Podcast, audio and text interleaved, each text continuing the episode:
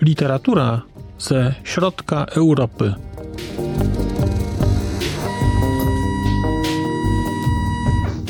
Podcast około książkowy.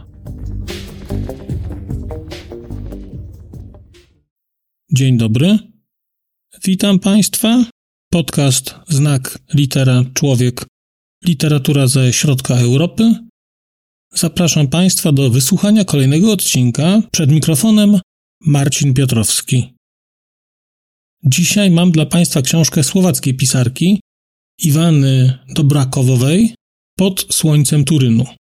Książka w polskim przekładzie pani Izabeli Zając ukazała się nakładem książkowych klimatów w maju tego, czyli 2023 roku. Jest to druga książka Iwany Dobrakowowej, która się w Polsce ukazuje. Poprzednia to była chyba Bellevue, ale jeszcze jej nie czytałem. Podkreślam słowo jeszcze, bo z pewnością po tę książkę sięgnę. Ja wiedziałem wcześniej, przed lekturą tej książki, tylko tyle, że to jest książka, która dzieje się w środowisku emigranckim we Włoszech, rzeczywiście w Turynie, i tylko tyle wiedziałem. No i wziąłem sobie do ręki tę książkę, 200 stron, zacząłem ją czytać i miałem wrażenie na początku, że czytam jakąś taką sobie obyczajówkę. No bo zasadniczo historia, która tutaj jest pokazana, to jest historia, która rozgrywa się mniej więcej na przestrzeni roku. Nie sprawdzam tego dokładnie, ale wydaje mi się, że tam się pojawia dwukrotnie jakieś święto szkoły, więc wydaje mi się, że to jest 12 miesięcy, czy jakoś tak, pokazane w tej książce, jako taka główna akcja. Dzieje się w Turynie.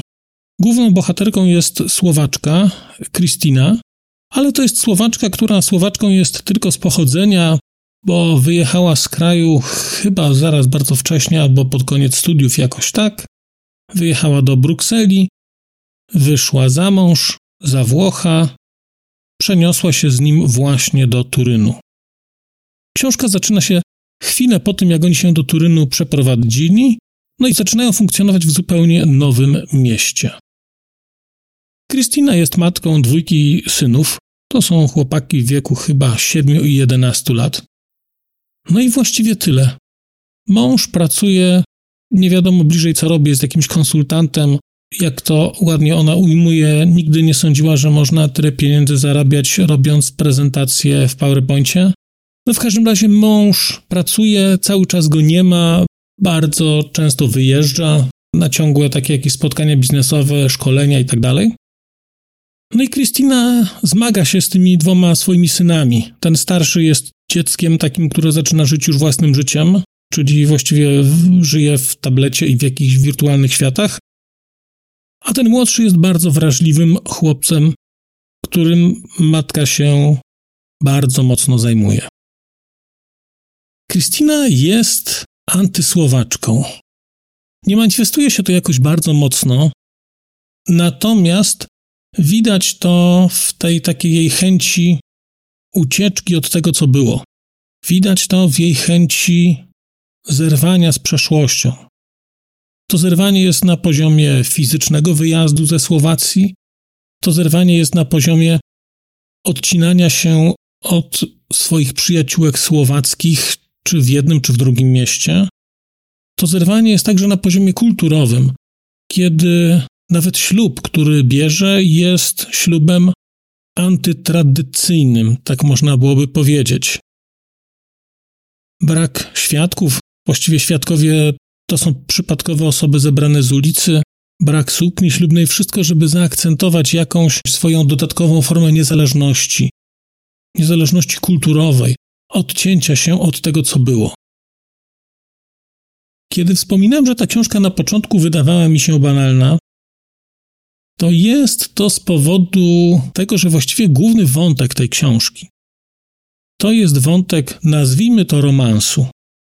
Krystyna ma romans taki niespodziewany, to jest romans, którego nie szukała, w który się właściwie, no można byłoby powiedzieć, wplątała trochę wbrew sobie. Romans z mężem jej najbliższej koleżanki, I jest to romans bardzo silnie oparty o wątek taki erotyczny. Właściwie nie ma tam nic więcej poza erotyką, taką bardzo radykalną, powiedziałbym.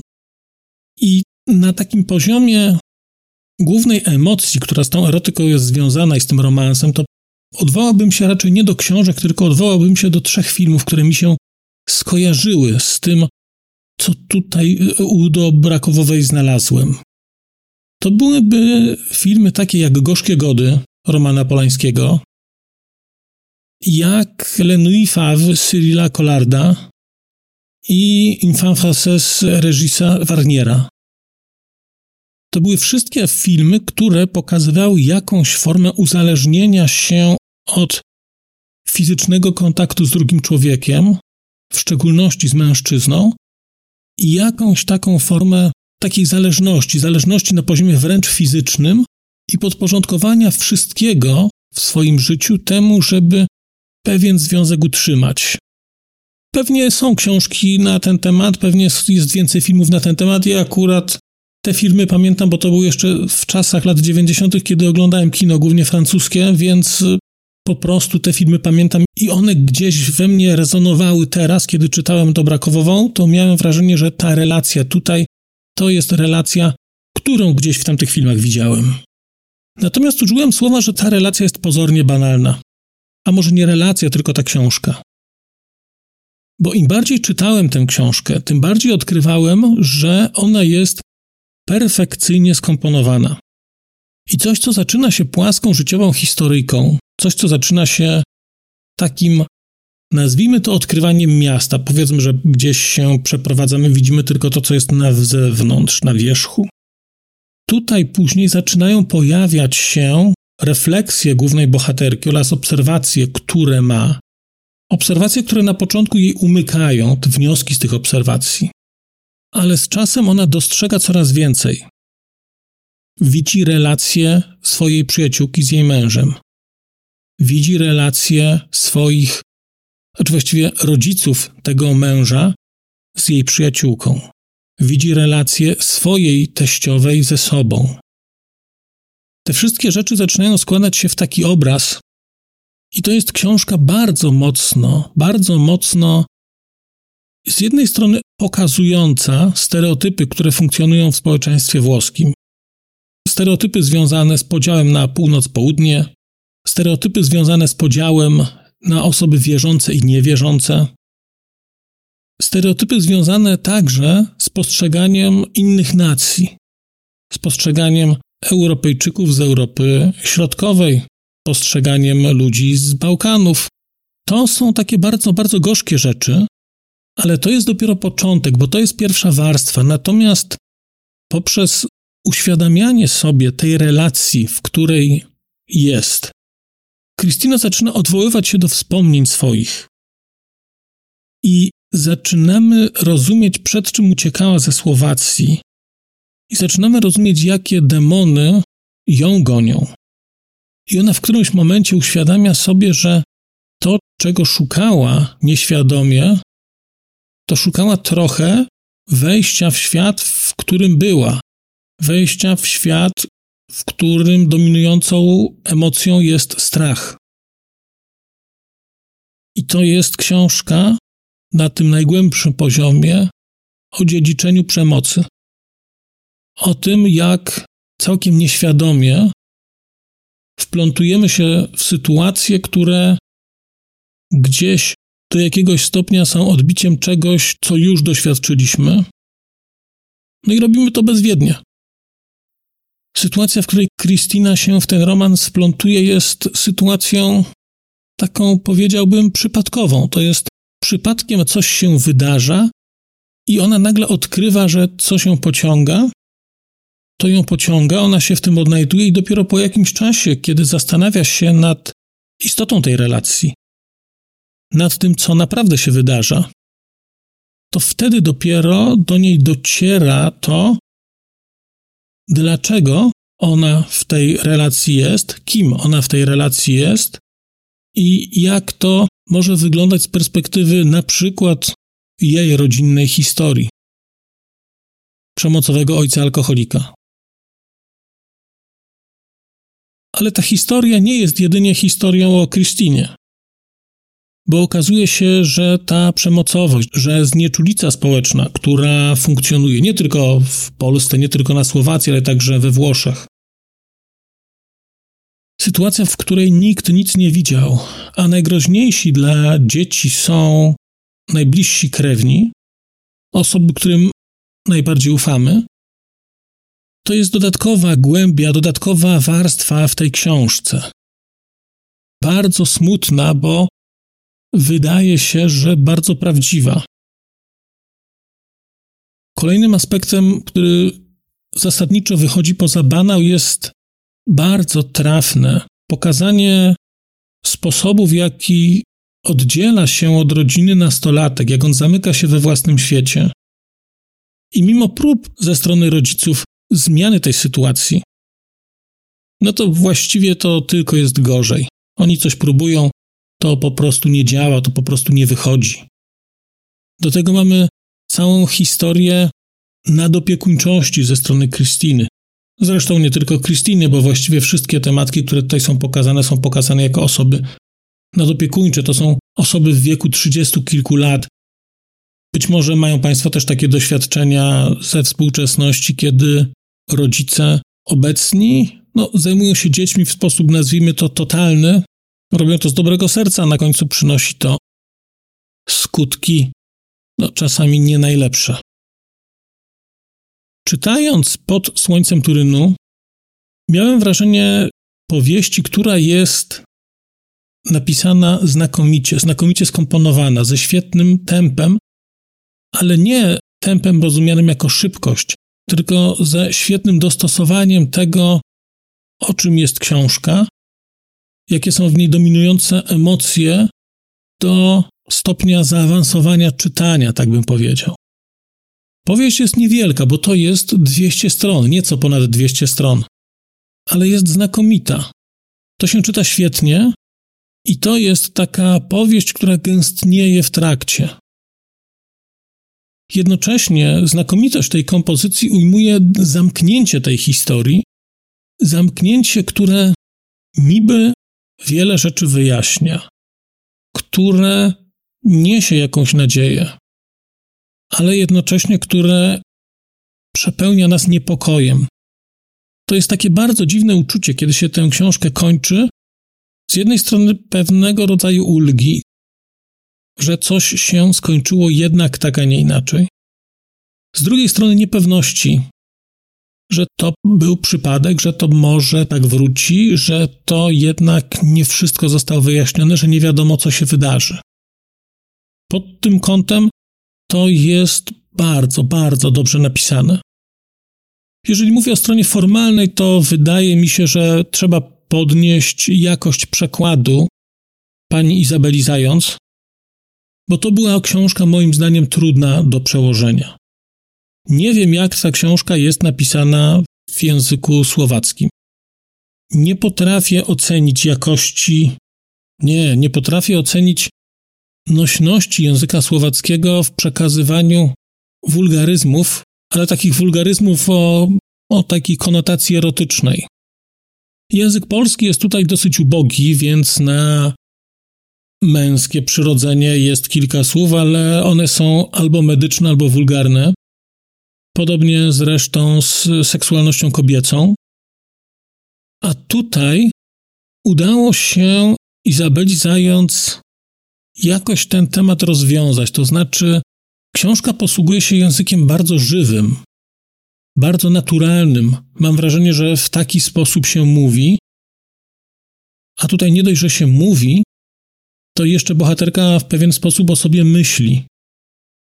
I rzeczywiście to są rzeczy, które czyta się w sposób taki dosyć śmiały, no bo nieczęsto takie historie wybrzmiewają na papierze, wydrukowane. Z drugiej strony fakt, że czytamy wewnętrzne rozważania bohaterki, no powoduje, że dodaje to właśnie prawdziwości, bo raczej w głowie nie posługujemy się eufemizmami, tylko myślimy jak jest. Bardzo mi się to tutaj podobało. nieprzegięcie w żadną stronę, chociaż mam wrażenie, że osoby, które są wrażliwsze na język taki potoczny, na język wulgaryzmów, no to mogą tutaj mieć trudności z zaakceptowaniem tego, że, że tego typu historie się tutaj pojawiają. No ale moim zdaniem to jest, to jest zrobione znakomicie.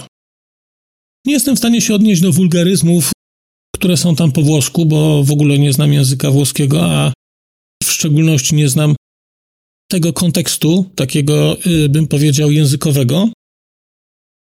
No wierzę, że są użyte poprawnie, bo Iwana Dobrakowowa mieszka w Turynie od lat, przekłada z języka włoskiego, przekłada z języka francuskiego, więc y, sądzę, że akurat tutaj te rzeczy, które są włoskie, są użyte pewnie dobrze, a na szczęście może nie do końca wiem, co to znaczy, co, co tam jest napisane po włosku, mogę się tylko domyślać. Powiem szczerze, że bardzo Państwu pod słońcem Turynu polecam. Ja bardzo jestem e, rozczarowany, że nie przeczytałem tej książki wcześniej, bo wydaje mi się, że gdzieś na początku lipca było w Warszawie spotkanie z Iwaną Dobrakowową, która była chyba na zaproszenie Instytutu Słowackiego w Warszawie. I ja nawet wiedziałem o tym spotkaniu, ale nie zdążyłem przeczytać pod słońcem Turynu. I teraz bardzo żałuję, że nie przeczytałem ani pod słońcem Turynu, ani Belwi. No, liczę, że Belwi kiedyś nadrobię, natomiast no bardzo, bardzo, bardzo żałuję, że nie miałem okazji wziąć udziału w tym spotkaniu, bo no, bo ta dyskusja o tej książce wydaje mi się, że mogła być interesująca. A ja jestem już w tej chwili po kilku innych książkach słowackich autorek i mam wrażenie, że jak każdy naród przepracowuje, czy każda literatura przepracowuje trochę swoją historię, to mi się wydaje, że Słowacja, słowackie autorki przepracowują wątki, nazwijmy to przemocowe, no ale o tym opowiem być może przy innej okazji, przy okazji innej książki. Tymczasem dziękuję Państwu bardzo. Czekam na Państwa opinię, jeżeli czytaliście tę książkę. Czy Wam także ona się tak bardzo podobała? I cóż, to chyba wszystko na dzisiaj. Przez mikrofon mówił do Państwa Marcin Piotrowski. Żegnam się ciepło i przedburzowo. Do usłyszenia.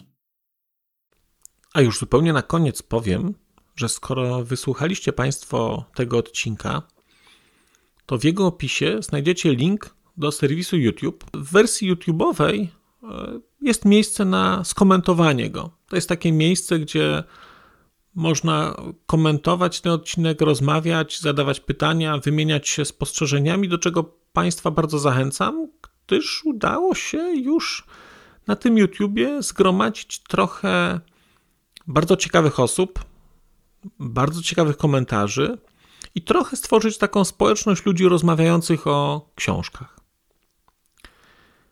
Też na koniec, zupełnie na koniec, e, poproszę Państwa o wystawienie oceny mi w ramach e, tych platform podcastowych, na których Państwo tego odcinka wysłuchaliście. I nieważne jaka ta ocena będzie, istotne dla mnie po prostu, że będzie.